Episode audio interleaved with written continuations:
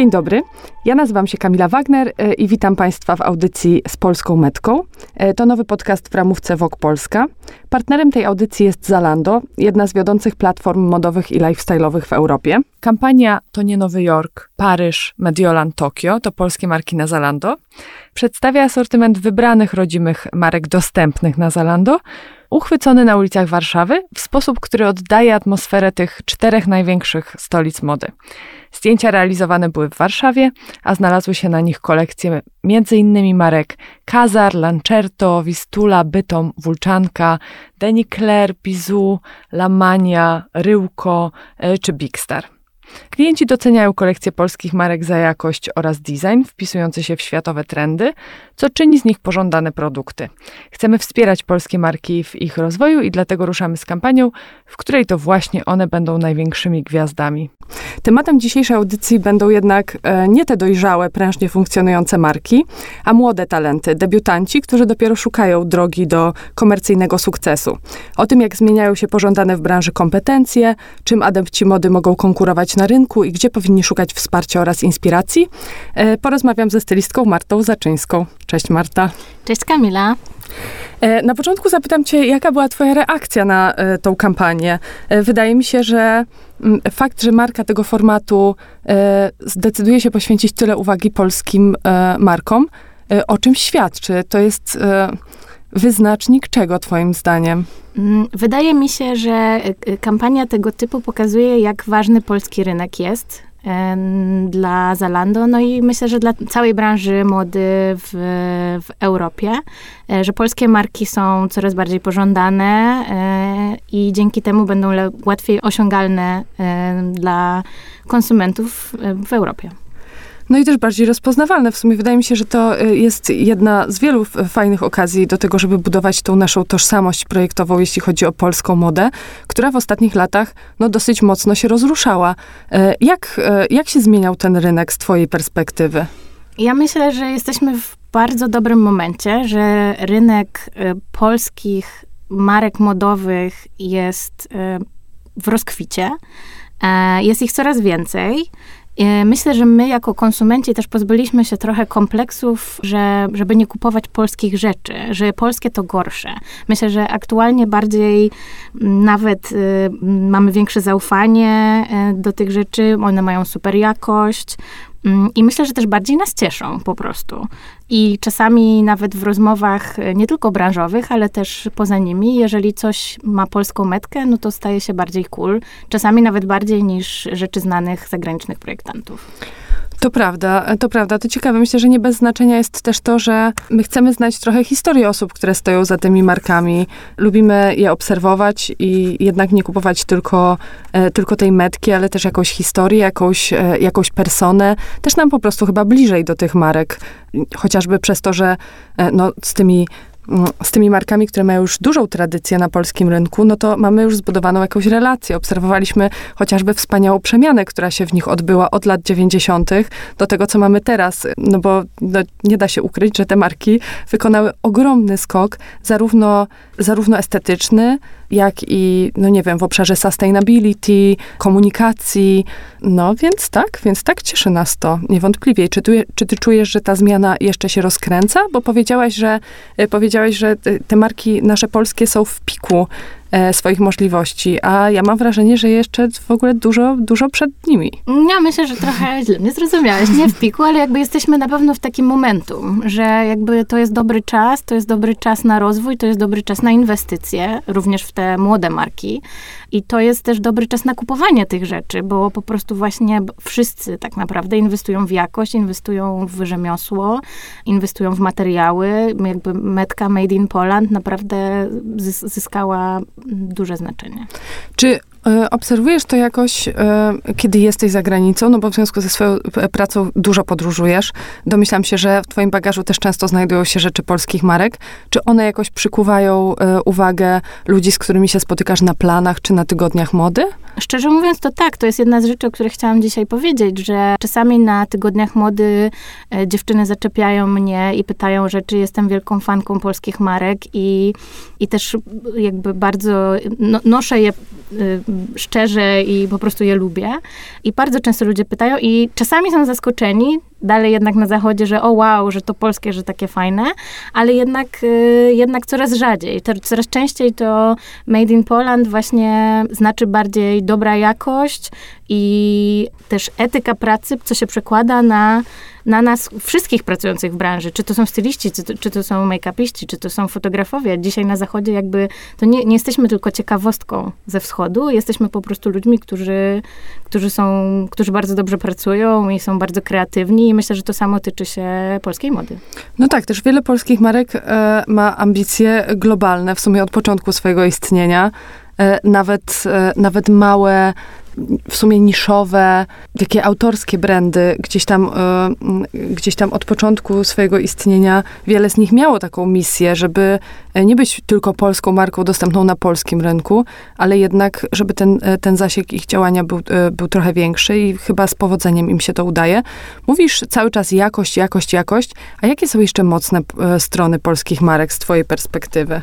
Na pewno innowacyjność, jest dużo, dużo marek, które, które szuka i cały czas kreuje coś nowego i coś ciekawego na jakby na całym rynku europejskim. Myślę, że nie tylko europejskim, ogólnie światowym, w światowej branży mody. Jest dużo koloru, więc myślę, że to też jest ciekawe, bo gdzieś e, my Polacy nie lubimy tego koloru i cały czas się troszeczkę od niego bronimy. Powiedziałam ja ubrana na czarno-biało, ale, e, ale ogólnie to, to myślę, że gdzieś tutaj, tutaj też tkwi ta siła i myślę, że też trochę taki głód tego, tego, tej pracy i tego właśnie mm, wybicia się. No mi się też wydaje, że polskie marki e, mają taki unikalny zestaw cech, że z jednej strony świetnie wyczuwają trendy. My ogólnie w ogóle jako naród chyba jesteśmy jak, jacyś tacy bardzo, e, bardzo chętni do wszystkiego, co nowe i e, fa fascynujące i jakoś sprytnie wyłapujemy to z eteru. E, no ale też to jest jakaś taka pra e, pragmatyczność, że jednak e, no, daleko nam do Mediolanu, nie jesteśmy tak ekscentryczni, ani też tak no, odważni w swoich wyborach modowych, no ale jednak gdzieś tam połączenie takie, takie wyważone połączenie tych trendów z, z, z praktycznością, klasyką, uniwersalnością, moim zdaniem stanowi jakąś taką unikalną kombinację cech, która sprawia, że że te ubrania są e, i dodatki są naprawdę fajne, a jednocześnie no, nie są ekscesem. E, jest to w miarę zrównoważony wybór i tak estetycznie pewnie służący na lata. No jak już tak mówię o tych markach i ich charakterystyce, to od razu przychodzi mi do głowy Kopenhaga, no bo mam wrażenie, że wcale nie jest tak nam daleko do tego no, do tego tygodnia mody, który ostatnio notuje największe wzrosty zainteresowań.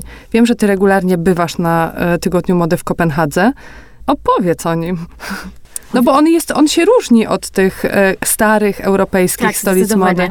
Tak, zdecydowanie. Ja myślę, że duże znaczenie w przypadku Tygodnia Mody w Kopenhadze ma ich podejście do tego, jak ten w ogóle e, Tydzień Mody jest stworzony, jak powstał i z jakiego powodu. Tam wszystkie marki ze sobą współpracują, wspierają się, robią wspólne eventy i ten zrównoważony rozwój, który tak bardzo blisko gdzieś tam towarzyszy temu Tygodniowi Mody, to nie jest jakby wymysł, który przyszedł z zachodu, to jest część życia, styl życia Duńczyków. No tak, bo powiedzmy, że marki, które e, nie spełniają jakichś e, założeń wyznaczonych przez organizatorów e, w obszarze zrównoważonego rozwoju, po prostu nie mogą się na tak, tym tygodniu mody tak. pokazać.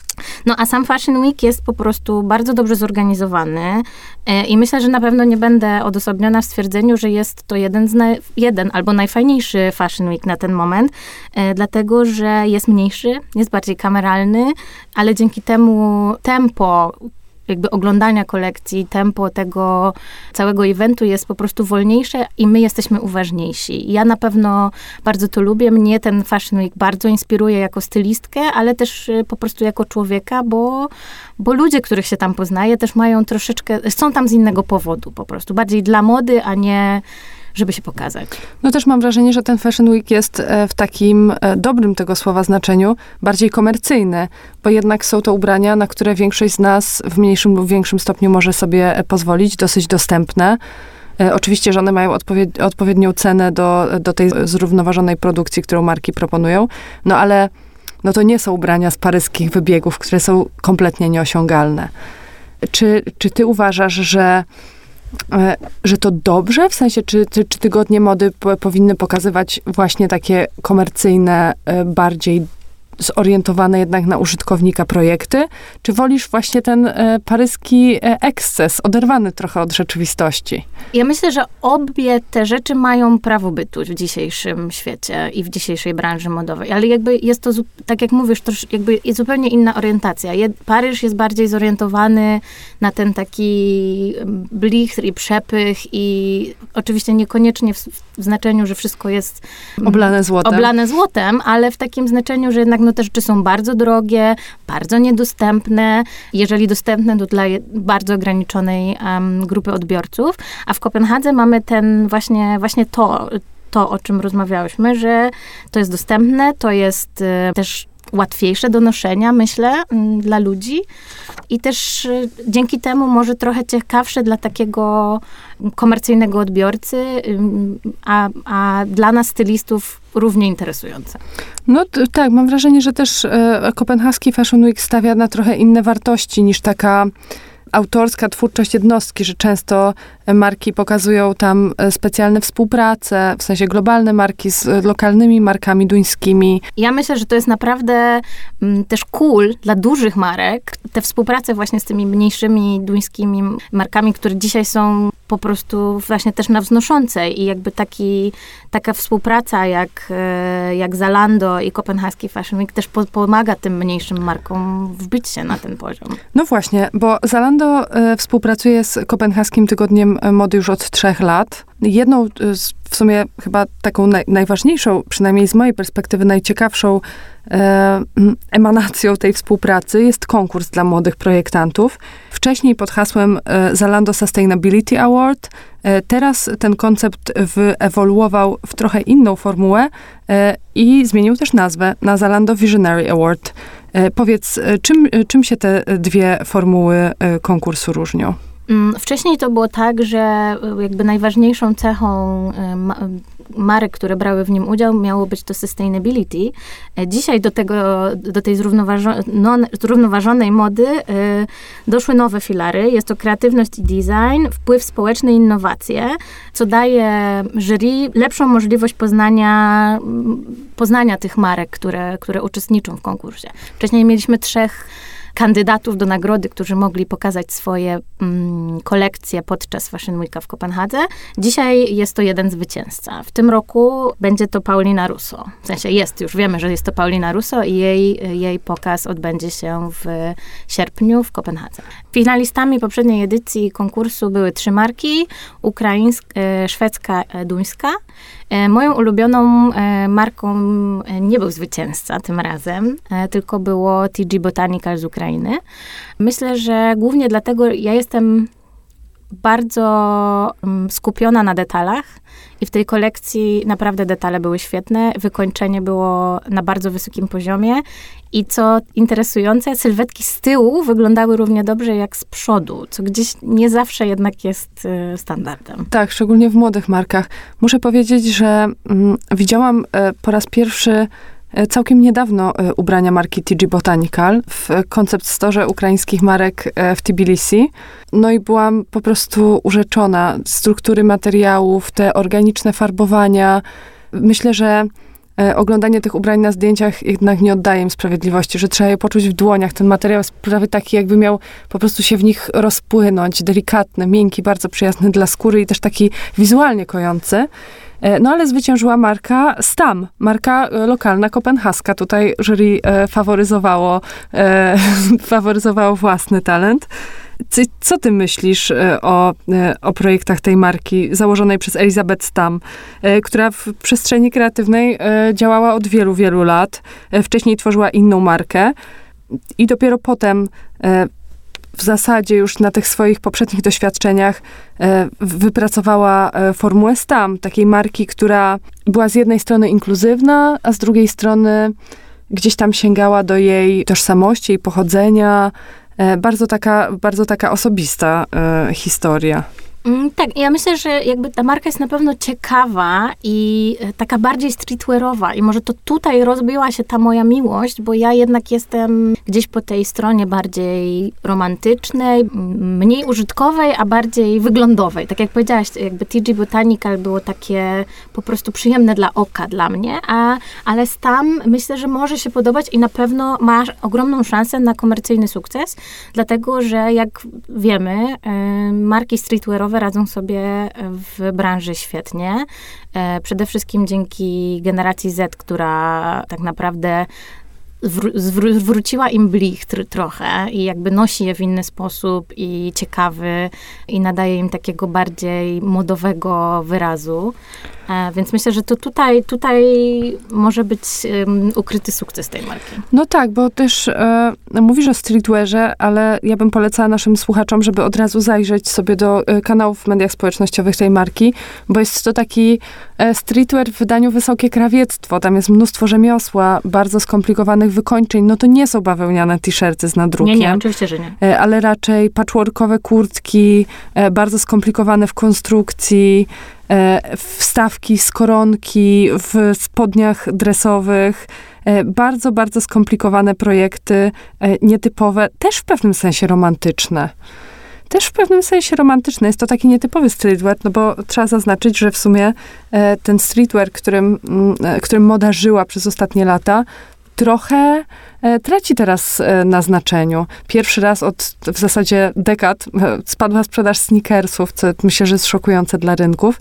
No ale widać, że młode marki jakoś świetnie się w tym orientują i mają też taką zdolność do tego, żeby łamać te schematy, nie być marką wyłącznie streetwearową czy, czy wyłącznie klasyczną, gdzieś tam sobie e, radzą fajnie z godzeniem tym światów, z budowaniem takich zgrzytów e, nieoczywi nieoczywistych rozwiązań. No, nie widziałyśmy jeszcze pokazu tegorocznej finalistki, ale czy ty w ogóle jesteś zaznajomiona z tą marką z Londynu? Czy słyszałaś o niej wcześniej? E, szczerze przyznam się, że dokąd nie został ogłoszony zwycięzca tego rocznego Zalando Visionary Award, to nie. E, ale przed naszym spotkaniem oczywiście się z nią blisko zapoznałam i e, myślę, że jest to świetny wybór, bo tak jak powiedziałaś o STAM, to gdzieś tutaj to widać, że jest jakiś kierunek tego, w którym jury podąża. Te rzeczy są świetne konstrukcyjnie, bardzo skomplikowane i mimo tego, że większość, chyba prawie wszystko to jest dzianina, e, to jednak jakby z daleka na zdjęciu nie powiedziałaby, że to jest dzianina. Niektóre rzeczy wyglądają tak, jakby były skonstruowane dla sportowców z takich tkanin technicznych, wręcz bym powiedziała. Więc są to ciekawe kolory, ciekawe struktury, ciekawe faktury. E, na pewno też e, dla stylisty jest to fajna marka, bo e, można dzięki niej uzyskać dużo mm, interesujących stylizacji. No, ja muszę powiedzieć, że jestem zachwycona tą marką, że to, co tej projektantce udaje się robić z Dzianiną, jest po prostu niewiarygodne.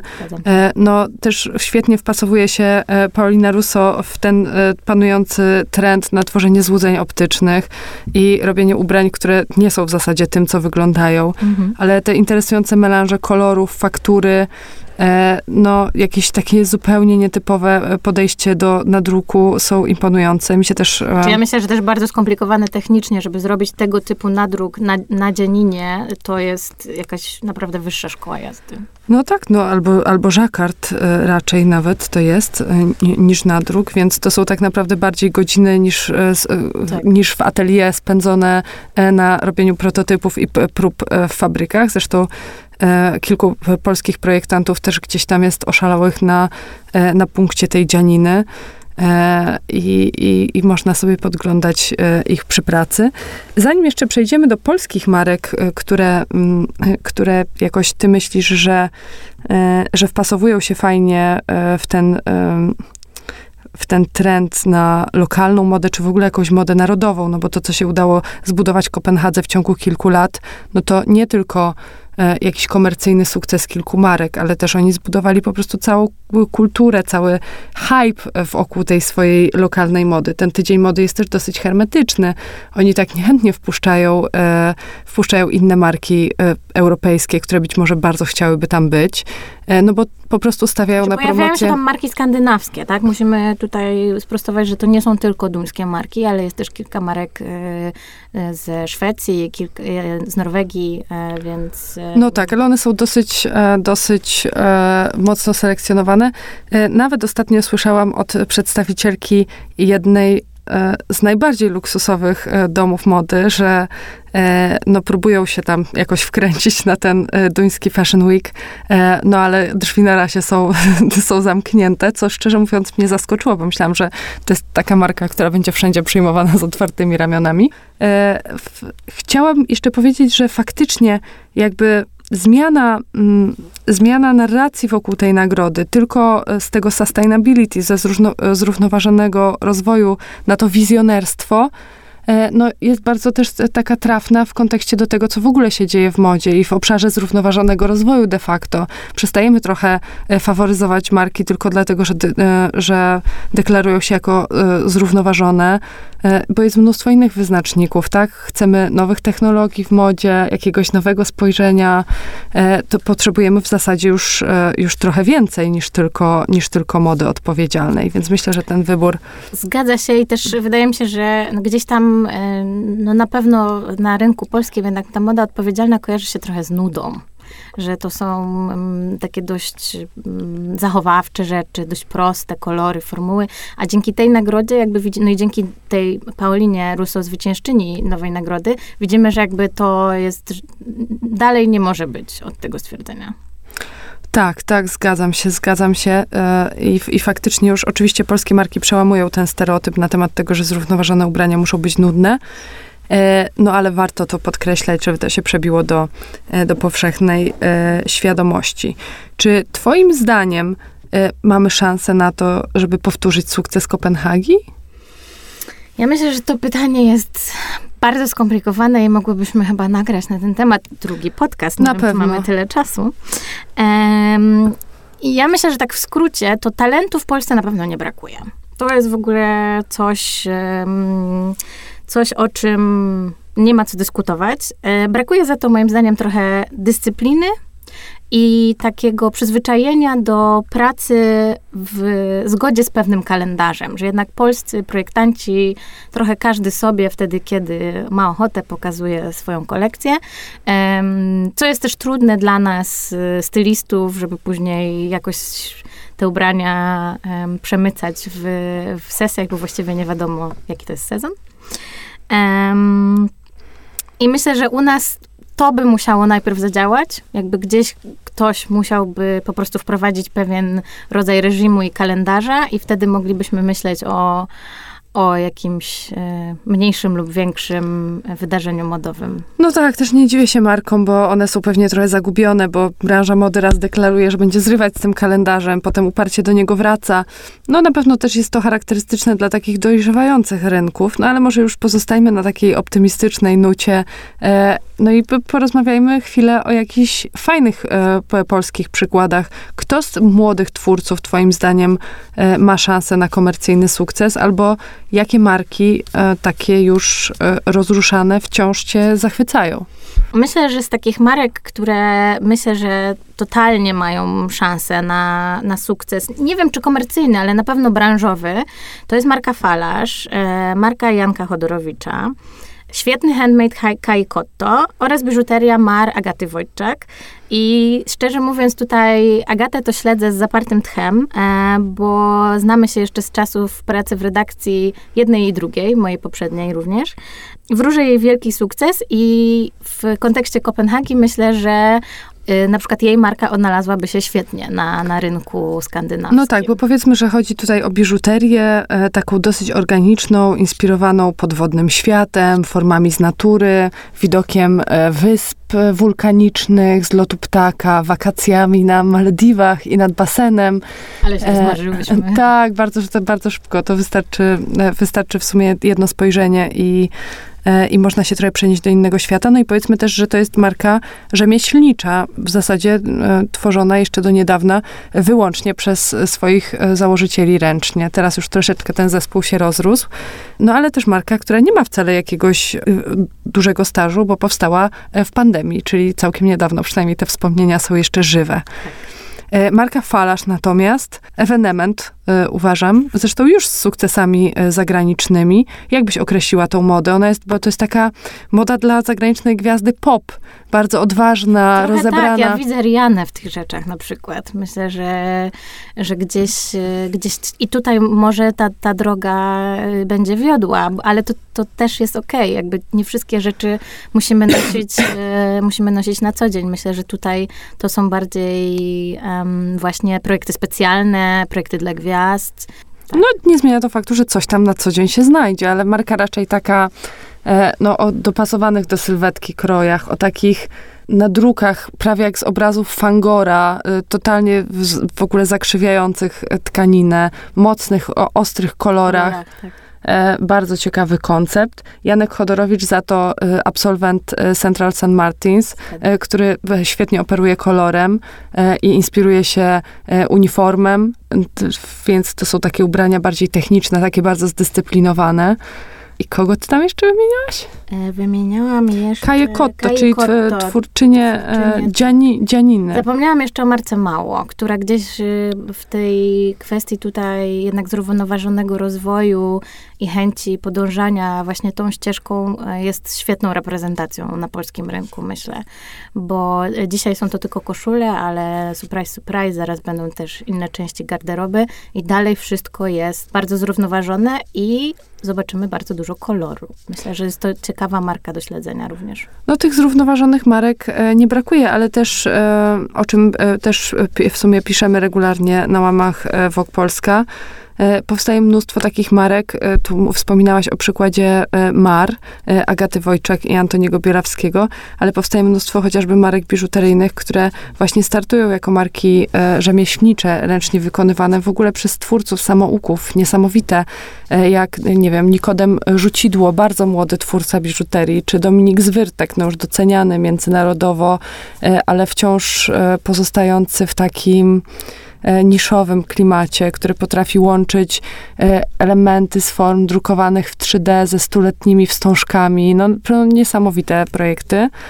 No i myślę, że w ogóle tych talentów, no to po prostu to, trudno w ogóle e, nadążyć za tym. Tak, no ale to właśnie tutaj może jest nasze dobre zakończenie, to co powiedziałam wcześniej, że talentów w Polsce nie brakuje. Dokładnie, to jest świetne, e, świetne e, zakończenie, ale mamy też na rynku dobre przykłady, chociażby takie marki jak Le Petit Trou czy Bałagan chociażby, które zaczynały no, od jakiegoś małego pomysłu na w sumie jeden rodzaj produktu, no a wykreowały jakiś zupełnie nowy, estetyczny świat, e, no, do którego bardzo e, chętnie wchodzimy i chcemy wchodzić, a jednocześnie zbudowały nie w ogóle w zasadzie bez żadnych, przynajmniej nie dla mnie zauważalnych, jakichś kompromisów projektowych, marki, które świetnie funkcjonują komercyjnie. Polsce i nie tylko. W Polsce i nie tylko. Więc chyba to jest nasza puenta. Dziękuję ci, Marta. Dziękuję, Kamila, za zaproszenie. Bardzo mi miło. E, a ja jeszcze przypomnę, że e, wszystkie ubrania e, z kampanii Zalando to nie Nowy Jork, Paryż, Mediolan, Tokio, to polskie marki. Dostępne są na Zalando. I do usłyszenia w następnym odcinku. Do widzenia. Cześć.